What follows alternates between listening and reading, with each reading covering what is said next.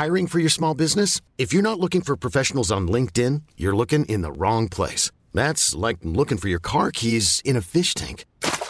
LinkedIn helps you hire professionals you can't find anywhere else, even those who aren't actively searching for a new job but might be open to the perfect role. In a given month, over 70% of LinkedIn users don't even visit other leading job sites. So start looking in the right place. With LinkedIn, you can hire professionals like a professional. Post your free job on linkedin.com slash achieve today. Hei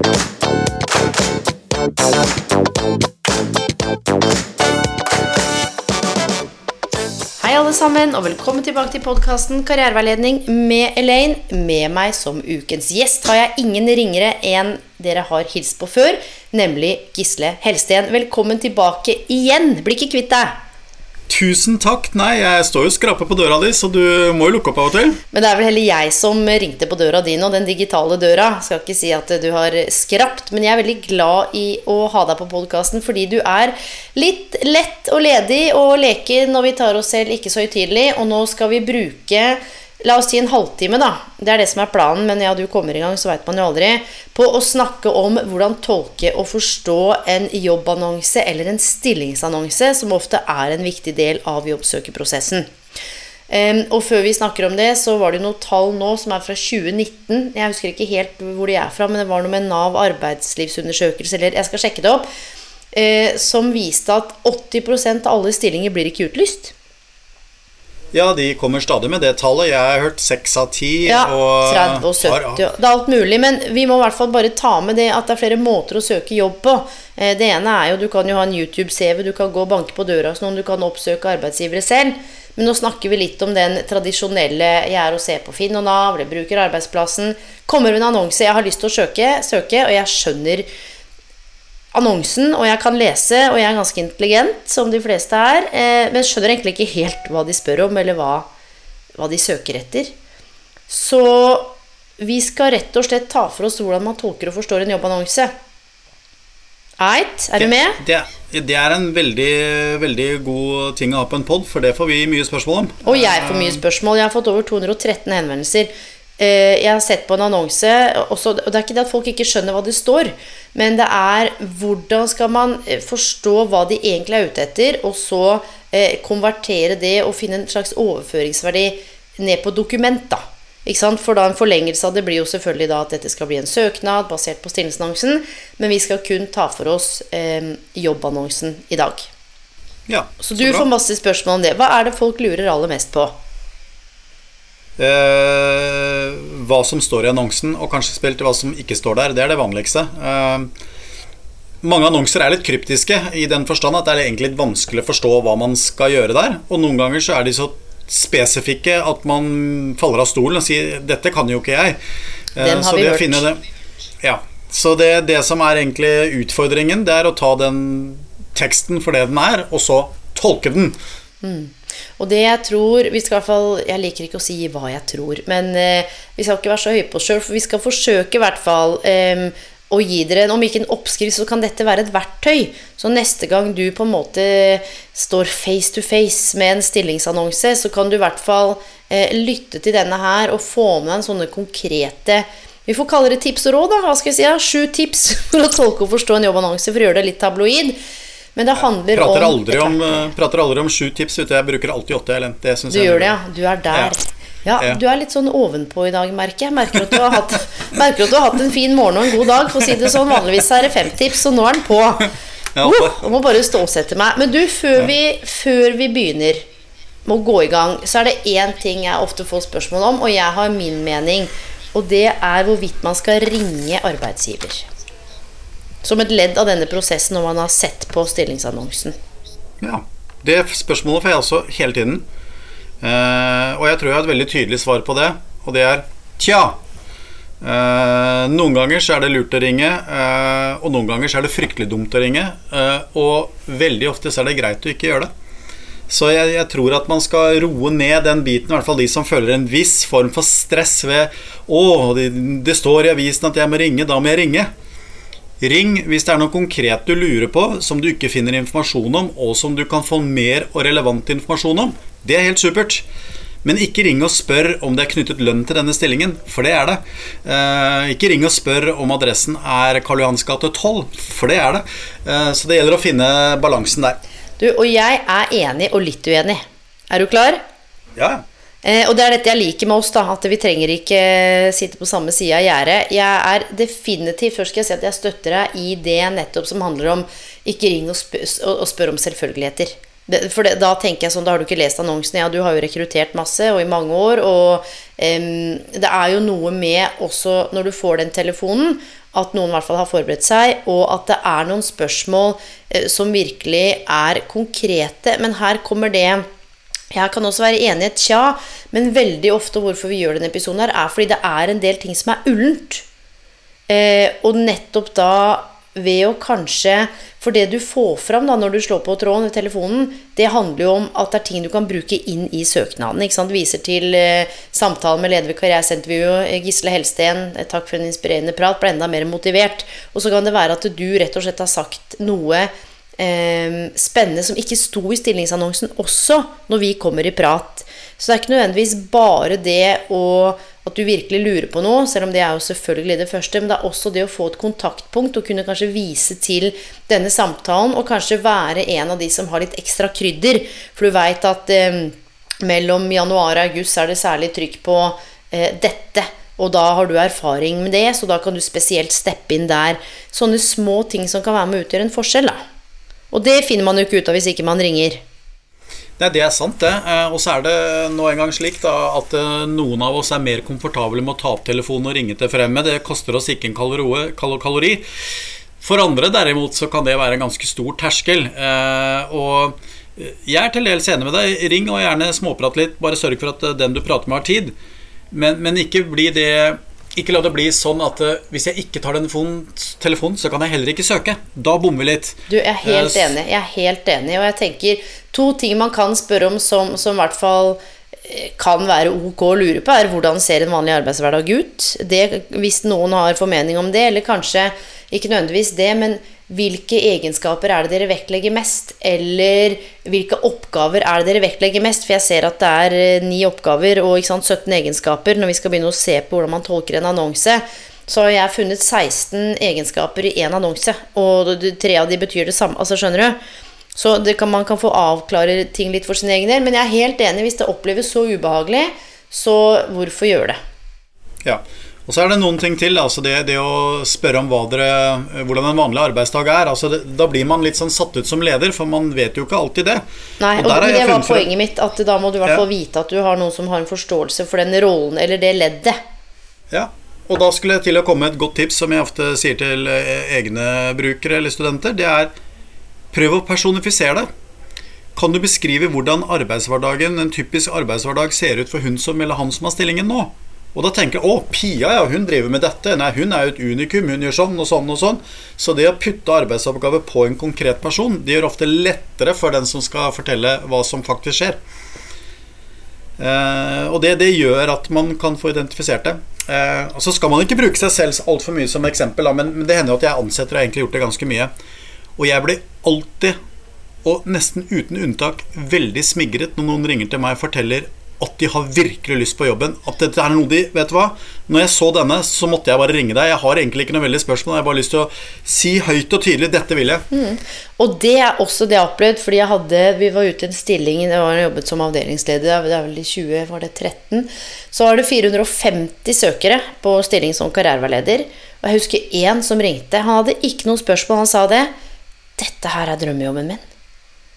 Jeg, jeg, jeg, han sa at jeg oppfyller det Altså, jeg, jeg vet ikke hva jeg skal gjøre av meg. Kan jeg få lov til å komme og høre på det her? Han var litt freidig.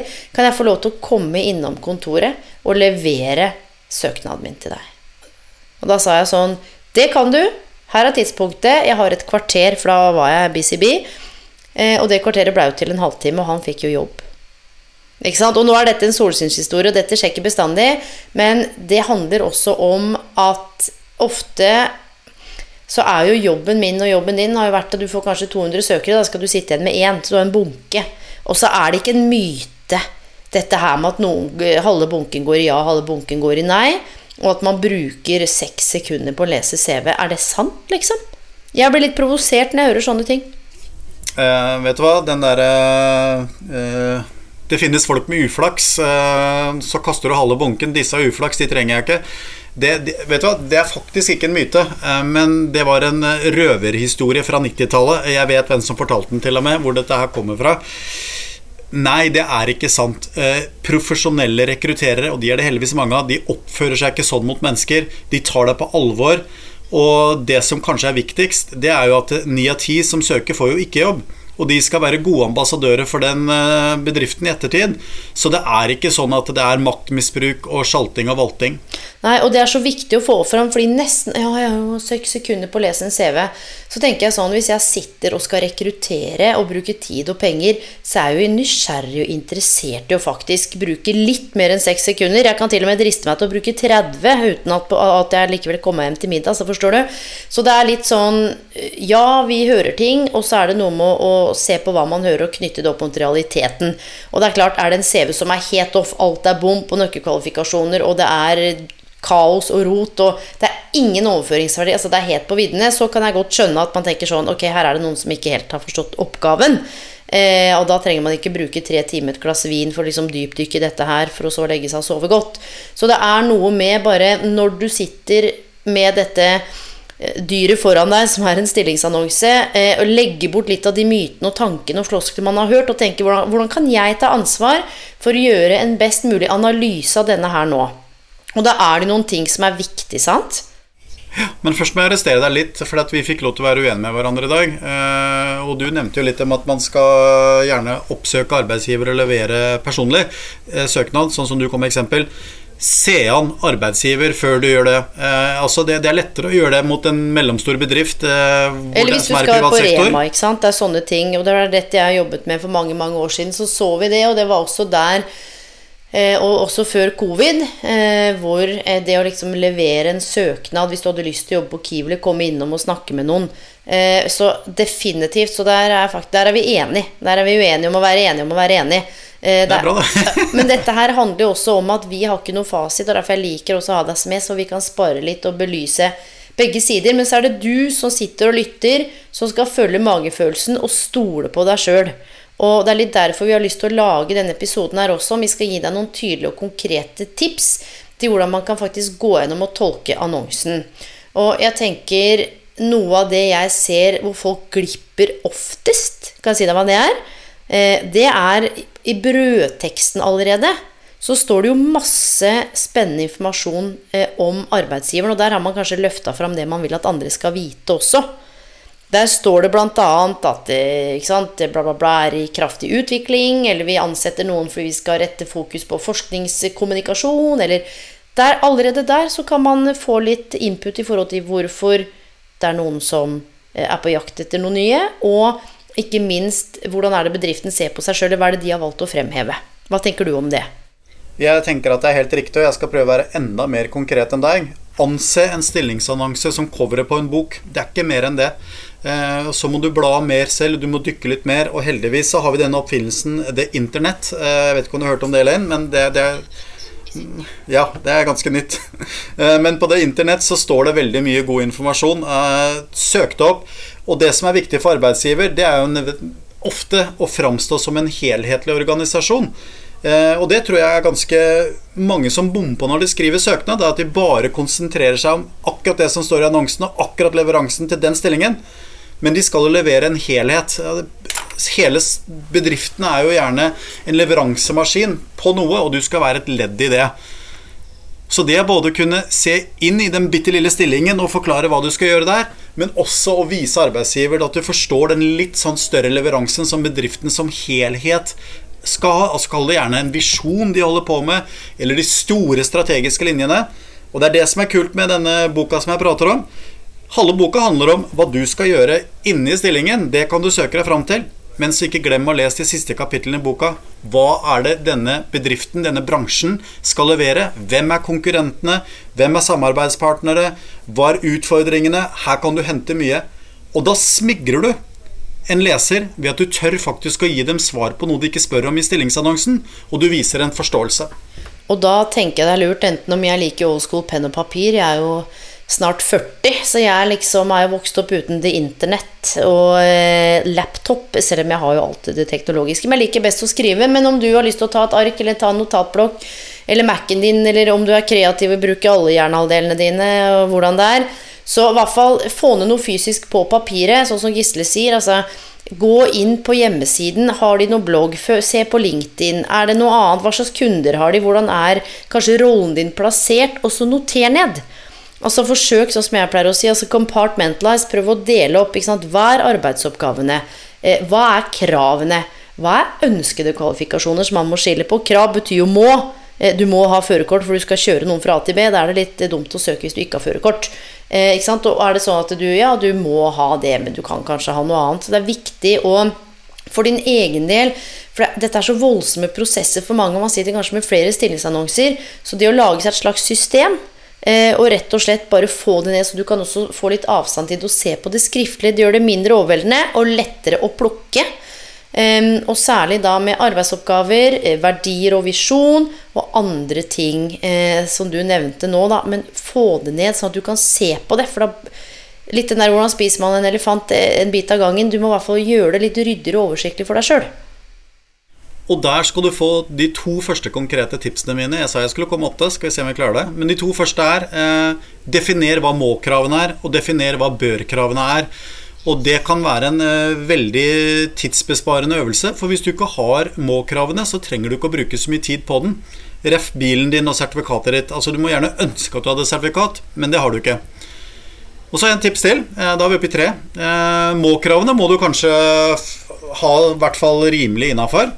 Men bør-kravene, der ramser man opp mange forskjellige. Du nevnte tallet 16, jeg pleier å nevne tallet 10. Det spiller ingen rolle. Men når du skal skrive søknaden så skal du kun fremheve det du har, og ikke benekte deg selv eh, ferdigheter og kunnskaper og si selv om jeg ikke er god til å skrive i InDesign eller gjøre InDesign, søker jeg allikevel jobben. Skriv heller om at du er en rev på PowerPoint, og bruk det. Dette er et eh, dokument hvor du fremhever deg selv og ikke diskvalifiserer deg selv. Selv om det er eh, tegn i stillingsannonsen på at du har kanskje ikke alt vi ber om. Mm.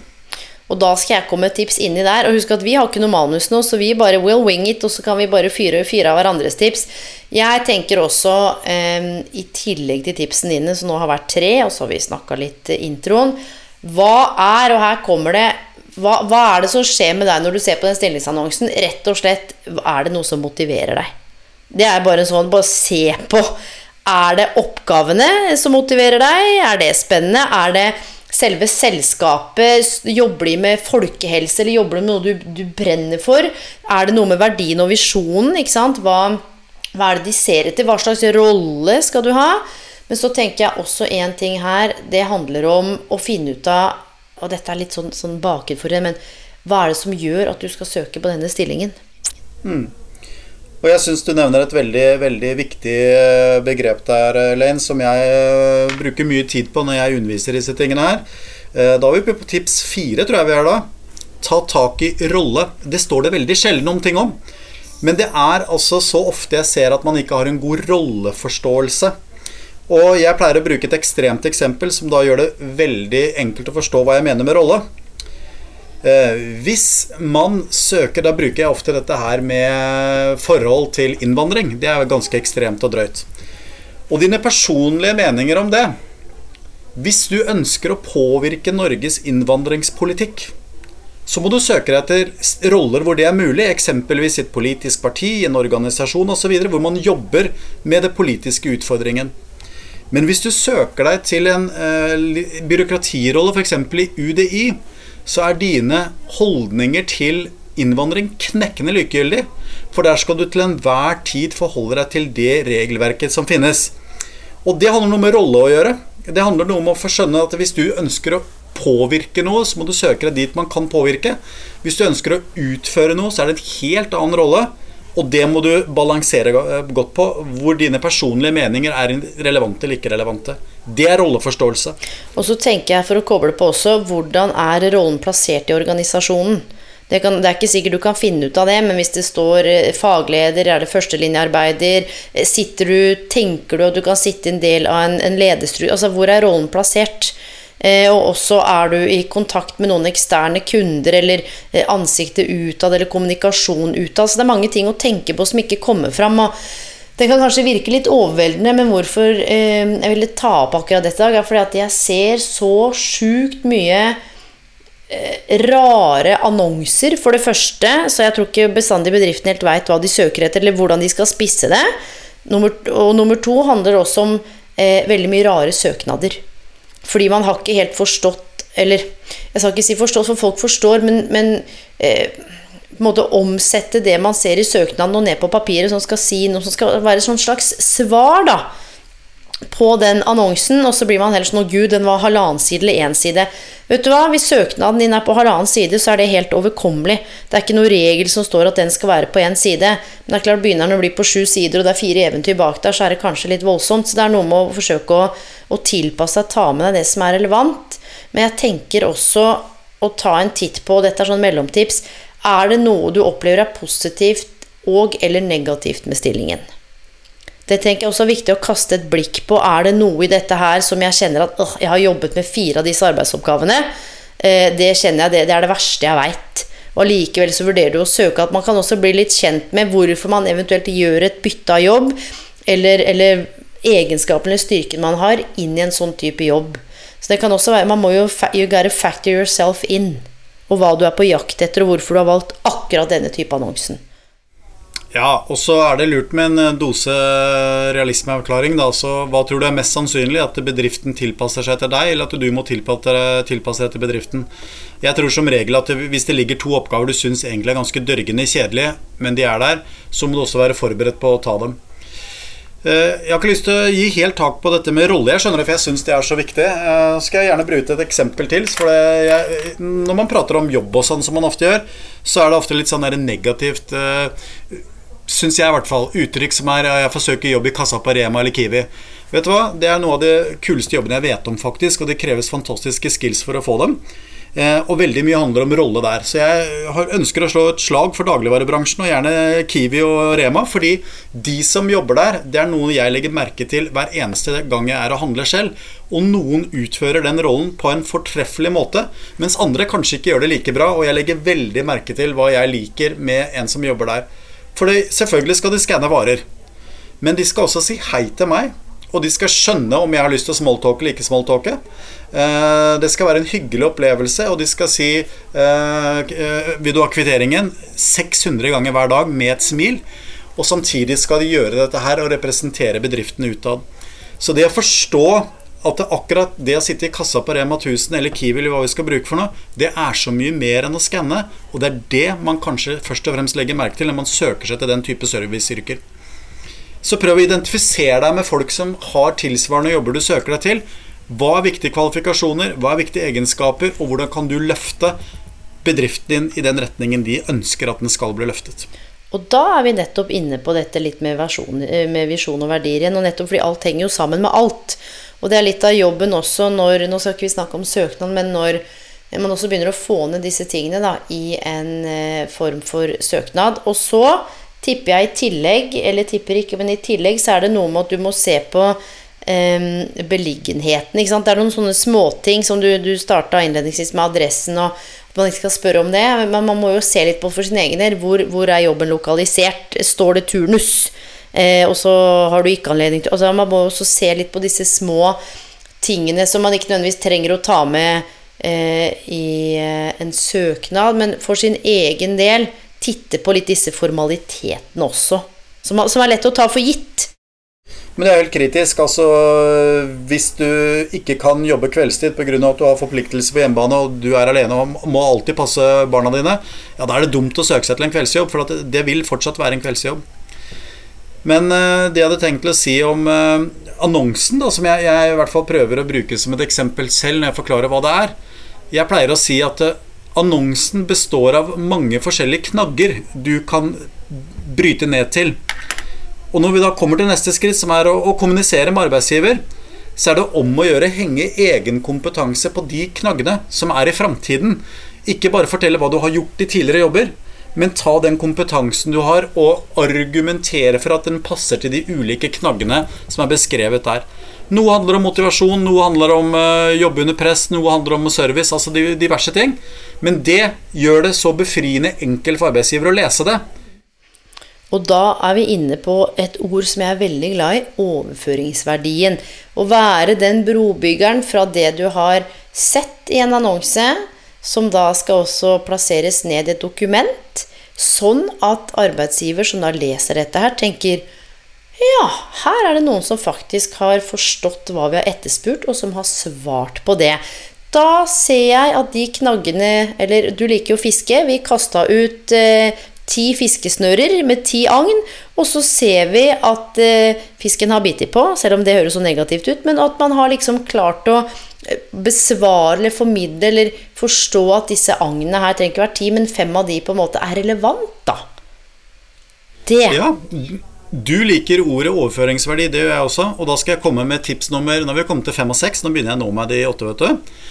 Eh, og det er at det er fristende å bruke ordet at man har noe. AT. At man er serviceinnstilt. At man kan samarbeide. Jeg tror det er en veldig mye bedre idé at man går fra en sånn påstand og sier at man har noe, til å forklare hvorfor eller hvordan man har fått det gjennom eksempelbruk, og så vise relevans. Da begynner det å bli fisk, vet du, som vi prater om, eh, som gjør det enkelt for arbeidsgiver å forstå argumentasjonen, og ikke bare forholde seg til en rekke påstander. Mm. Men jeg tenker også, når man tolker en jobbannonse, da. Og vi har sett på at man skal se på arbeidsoppgavene og rolleplassering og beliggenhet, organisator Altså alle disse tingene vi snakker om nå. Så er det én ting som vi må snakke om, og det er alle disse egenskapene man skal ha på én gang. Eh, jeg hadde en annonse nå har jeg lagt ned. Eh, fremoverlent. dette var i samme annonse. Du skal være dynamisk, fremoverlent, utadvendt, positiv og nytenkende. Og dette er bare fem av de egenskapene, og det var enda et par til. Og da ja, agil, ja, det står jo ikke der, men man kunne vel kanskje oppsummert alle og tenkt at her er det noen som er agil. Og så er det så gøy når man ikke helt veit hva det betyr heller, men man bare bruker det for det er et sånt motor som jeg vet du er veldig glad i. Du veit hva det betyr, da. Men hva, hva, er det som gjør for å ta Hvorfor er det fem superlativer, holdt jeg på å si, i én setning, og så var det vel en fire-fem egenskaper etter det? Ja, det, jeg, jeg tror jeg skal forsøke meg på å forklare det. Det er agn. Og de vil gjerne kanskje se hvordan du angriper de agnene. Fordi det er ingen som har disse egenskapene, alle sammen, og er så fantastiske. Og utenom du, da, Elaine. Takk skal du ha. Det, det, det, var hyggelig å, hyggelig å, endelig få litt anerkjennelse etter så mange år. Ja, Eh, men det jeg skulle til å si, det er viktigste er jo å gå langt vekk fra disse påstandene, eller det jeg ofte kaller for papegøyemetoden.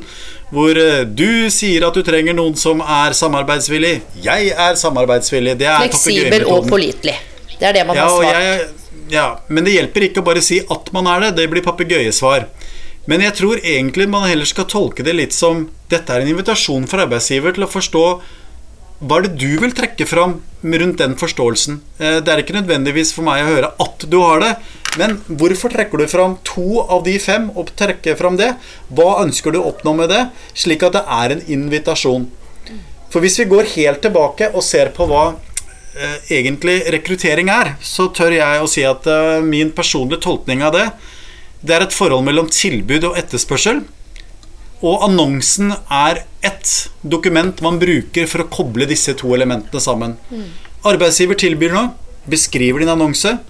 Du kan bidra med noe tilbake gjennom en søknadstekst. Så det handler om å lime tilbud og etterspørsel sammen på en slik måte at du bringer inn merverdi, da, for å bruke økonomispråket igjen, til arbeidsgiveren. Mm. Og det er, det er, akkurat derfor denne episoden er så viktig òg, for det er der jeg tror, og jeg har møtt så mye fine folk som bare hadde smukka rett inn i mange av de jobbene de på en måte eh, har fått avslag på, eller bare ikke kommet videre, fordi det er den, nettopp det der å kunne forstå det du sa. Det limet. Å kunne lime, både kunne hente ut hva som står, og så kunne formidle det. Og arbeidsgiver der ute også, derfor har jeg lyst til å lage en episode, går jo glipp av så sabla mye arbeidskraft og kunnskap og kompetanse. Fordi man har utfordringer med nettopp og eh, alt det vi snakker om nå. ikke sant? Så må jo folk lytte igjen og sette det litt sånn mer i system for sin egen del. For vi er litt all over the map. Men det tenker jeg, vi kan ikke bare ha sånn stakkato-struktur. Da hadde jo folk sovna. Men litt av poenget er at det, akkurat det du beskrev nå, er kjernen i også hvorfor jeg tror mange ikke kommer seg ut i jobb. Og nå snakker jeg ikke om alle, men en god del som syns dette her er superutfordrende. Og det er ofte Spesielt når jeg jobba med karriereveiledning for mange mange år siden i samarbeid med Nav og, og, sånne ting, så var jo det Det var jo gjengs. Ja, og det leder meg rett over til tips syv. Vet du hvem det er et, eh, et heiarop til? De introverte. De blir grovt diskriminert i annonser. Det er nesten aldri du ser stillingsannonser hvor man ber om du er gjerne introvert og liker å jobbe for deg sjøl. Det er alltid motsatt. Dette er det gjort undersøkelse på finn.no. Eh, mange tusen annonser som vises at vi søker etter deg som er utadvendt og ekstrovert. Verden trenger introverte mennesker også. Et godt team er satt sammen av introverte og ekstroverte, og det ville vært slitsomt hvis alle skulle være ekstrovert i ett rom. Så råd nummer syv er altså eh, Skulle du være med på den introverte siden, Søk allikevel. Det finnes bøttevis med stillinger der, og du er attraktiv. Og du skal ikke bli overraska engang om den som er sjefen din, også er en introvert, for det er ganske vanlig. At uh, jo lenger opp man kommer i systemet, jo mer introvert blir man. Uh, så et slag for de helt... introvert... Ja. Et slag for de introverte der, altså. Du, Det er jeg helt enig i, og det har jeg faktisk snakka om før på podkasten. Og det var i forbindelse med noe annet, men det var sånn at alle skal sprette rundt og være utadvendte, og her er jeg. Og jeg tror jeg veit ikke hvordan Hva skulle fått bukt Eller forstår du hvordan Hvordan skal man gjøre en justering der? Forstår du litt hva jeg mener? Hvis man ser på inn i fremtiden, da, i krystallkula, søknaden eller annonsene, er det noe du tror kommer til å snu? Eller at det, man, man blir, det er mindre fokus på akkurat det vi snakker om nå, og mer Ja, jeg veit ikke.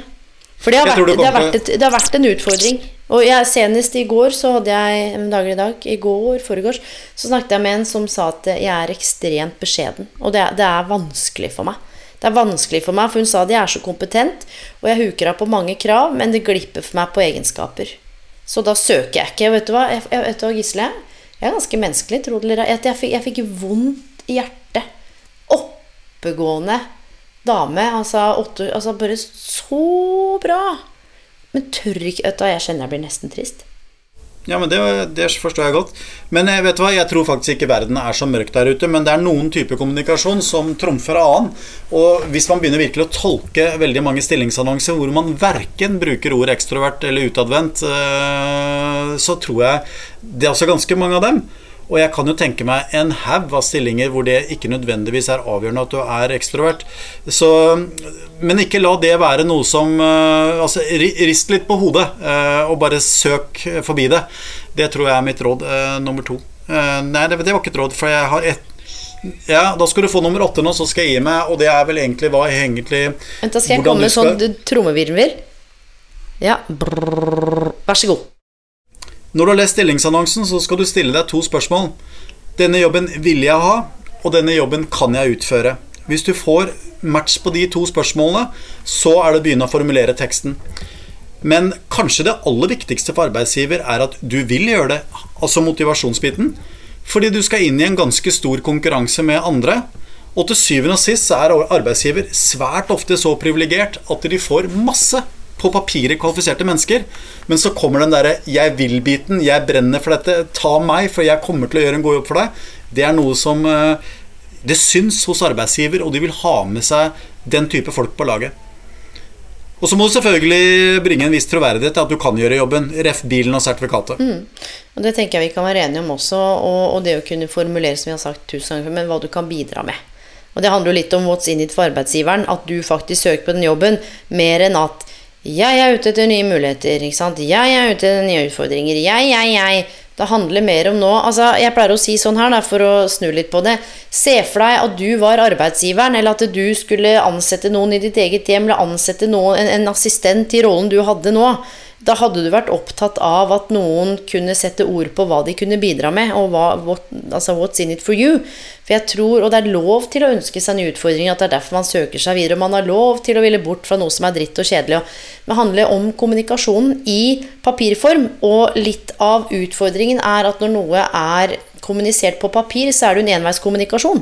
Da er, åpnes det jo opp rom for tolkning. Da. Hvis jeg leser og superfleksibel, men så er det ikke et komma bak som har forklart hvordan man er fleksibel, med store eksempler. Og da blir det ofte meg som arbeidsgiver rekruttering, da blir det min tolkning av ordet fleksibel, som kanskje er noe helt annet enn egentlig det du mente. Så, og i tillegg så sa du dette med at. Jeg er også for at man her veit jeg ikke hva du tenker, men jeg er for at man også skriver mindre av 'håper at jeg kan være riktig', 'kanskje jeg kan være riktig', og ikke minst 'håper å høre fra dere'. Få bort det, ja. Vi gleder oss. Eller jeg gleder meg til å høre fra dere. Håper Her har du brukt tre timer på noe altså, Gisle, jeg håper du ringer meg opp etterpå. Ja, vi hadde et viktig møte. Det går ikke an. Nei, det er uh, ikke noe sånn der ydmykhet, men uh, ikke noe sånn breialhet. Nei, men det skal man forvente også. At man gleder seg til å høre fra noen. Det er ikke sikkert du gjør det, men uh, kanskje jeg kan være rett for stillingen. Det er, det er, noe som heter språklige forutsetninger, og en del av ordene vi bruker, skaper ubevisst usikkerhet hos den som leser. Og du kan ikke sitte der og si du, det var ikke det jeg mente. Det jeg mente var Så vær tydelig med ordene dine. Åpenbart. Eh, jeg leser svært ofte, ofte ser ordet 'tror'. Ja. Jeg tror min kompetanse kanskje under visse omstendigheter yes. og tre komma kan være nyttig. Hvis det kanskje var mulig at jeg plutselig ja. kanskje ville passe inn. Håper ja. kanskje dere svarer. Og, sånn at det, det, er noen ting her. Bare å være trygg på det. Man trenger ikke være breia. Men, men lese gjennom og være litt bevisst på, på språk og kommunikasjon.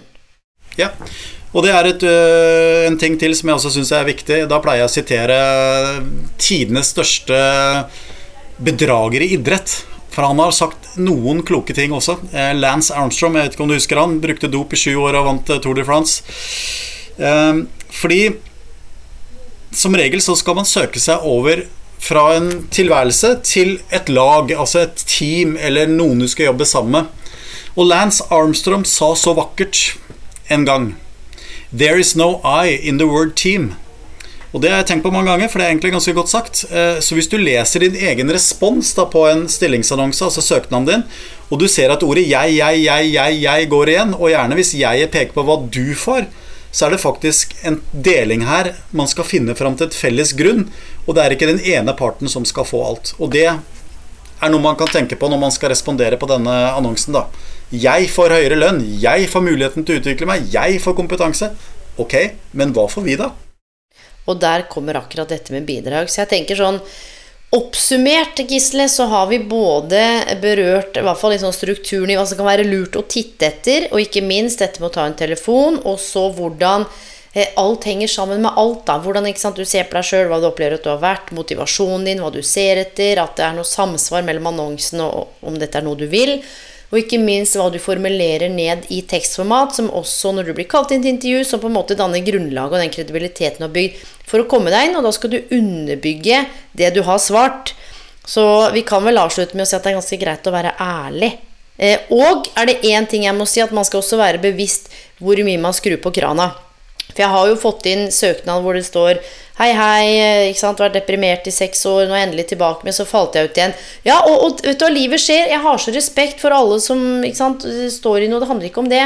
Men det er ikke alt som skal med i en søknad heller, så man må også være litt bevisst på hvilke elementer vil man trekke frem. Og det er klart, har du sjukt vondt i ryggen da, eh, og sliter med ryggen, men søker deg jobb på lager du skal løfte og bære, men ikke sier at du har vondt i ryggen, så pass på at det er noe samsvar og noe troverdighet her, at du virkelig faktisk har Godt i deg sjæl, og det betyr ikke til deg som lytter at du må elske og drømme deg i hjel når du ser på jobben. Det kan bare være at du er keen på en jobb, du trenger penger en periode, det er et springbrett, en stepping stone, du er mellom noen greier. Helt fine. Men uansett, hvis du skal bli kalt inn, så må du i hvert fall ha et reflektert og bevisst forhold til eh, selvinnsikt og hvordan disse tingene limes sammen, da, som du snakka om, Gisle. Ja, Du får ikke siste ordet, for jeg har lyst til å avslutte med en av favoritt, favoritthistoriene jeg pleier å fortelle når jeg skal eksemplifisere viktigheten av å være del av en helhet. Eh, dette er sann historie fra USA, som du nå skjønner at jeg ofte går til. Og det handler om eh, 68 og 69, da USA skulle sende raketten til månen. Hvor presidenten i USA var nede og gikk inspeksjon på NASA for å se dette her skje, og gikk sammen med alle de selvfølgelig hvite middelaldrende mennene i hvite frakker for å få en omvisning. Hvor da presidenten stopper opp ved en kar som står og vasker gulvet, og spør egentlig hva driver du med her? Hvor han så snudde seg og sa I'm putting man on the moon.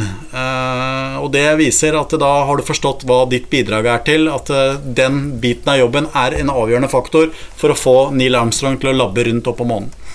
Så vær med og se det store bildet også. Herregud, for en deilig historie. Kjente jeg ble nesten litt bevega, jeg. Ja, men det minner meg om noe. Men nå, nå, nå, vi må nesten avslutte. Men jeg skal si en ting, for jeg skal lage en episode om akkurat dette her. Hvordan man beskriver og opplever jobben sin. Jeg har lagd en liten snutt om det tidligere har alt å si. Hvordan du snakker om jobben din, og hvordan du opplever og beskriver jobben din. Og dette er det forskning på. Nå berørte du noe som er noe av kjernen i det å ha en verdifull arbeidshverdag. Ja, og så er du inkludert. Ja, ja, ja. Du føler deg inkludert. Det å holde ren, eh, altså vaske lokalene rene og ha orden og reda er en viktig del av prosessen for å faktisk kunne sende mannen til månen. Når, når det koker ned i hele organisasjonen, da lykkes du. Gisle Helsten, komma, leder ved Karrieresenteret. Kan ikke du si det, for det er så langt? Leder ved Karrieresenteret ved Universitetet i Oslo. Det var som vanlig en fryd å ha deg på i 45 minutter, en halvtime. Det var ikke så verst nå, men eh, kjære lytter, håper eller tror kanskje at den er på tøysa. Dette her har du fått noe under ut av. Under visse omstendigheter. Ja, under visse omstendigheter så kan det være at du kanskje har fått noe ut av dette her. Jeg skulle ønske Skjønner du? In praksis. Kjære lyttere, håper Tøysa. Dette her har dere fått noe ut av. Send tilbakemelding, innspill. Er det noe vi glemte å ta opp? Er det noe som var spesielt spennende? Gisle finner dere jo ved å titte på UiO sine karrieresentersider, og meg veit dere hvor dere finner. Og så er det én ting til jeg skal si som jeg nesten aldri sier, fordi jeg har jo ikke noe spons på den podkasten her, jeg vil ikke ha det heller. Men jeg hadde blitt veldig glad hvis du hadde gått på Apple og liksom lagt igjen en sånn review eller kommentar, og gjerne hva som er bra, eller hva vil du ha mer av. Det tror jeg faktisk aldri har oppfordra noen, noen til å gjøre noen gang, Gisle. Men da kan jo denne podkasten her spre seg og bli større. Enda større. Sånn at vi kan utgjøre en enda større forskjell for de som sliter med karriererelaterte spørsmål og bare lurer på noe. For det er jaggu ikke aleine, du som sitter og hører på nå. Dette er det mange som lurer på. Og Gisle, du skulle si noe? De finner meg på LinkedIn også. Dere finner den på LinkedIn også. Supert. Takk for at du hadde tid til å være med, Gisle. Og takk for at dere fortsatt lytter og henger med. Dere gjør det mulig å gjøre den podkasten. Gir meg masse motivasjon. Takk for nå, og på gjenhør. Ha det godt da, Gisle. Ha det bra. Takk for å bli invitert.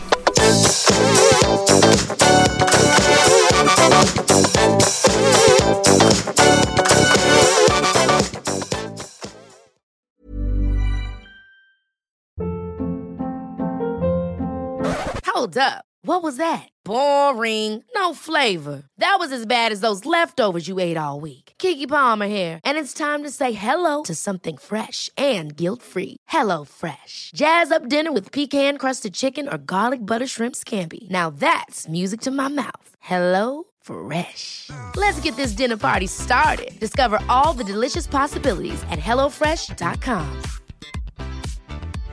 My business used to be weighed down by the complexities of in person payments. Then, Tap to Pay on iPhone and Stripe came along and changed everything. With Tap to Pay on iPhone and Stripe, I streamlined my payment process effortlessly. Now I can accept in person, contactless payments right from my iPhone. No extra hardware required. What's truly remarkable is how I can cater to all of my customers' payment preferences. Whether they're using cards, Apple Pay, or other digital wallets, Tap to Pay on iPhone and Stripe ensure a smooth checkout experience every time. And it's not just me. Stripe helps businesses of all sizes, from local markets to global retailers, scale quickly and stay agile. To learn how Tap to Pay on iPhone and Stripe can help grow your revenue and reach, visit stripe.com/tapiphone.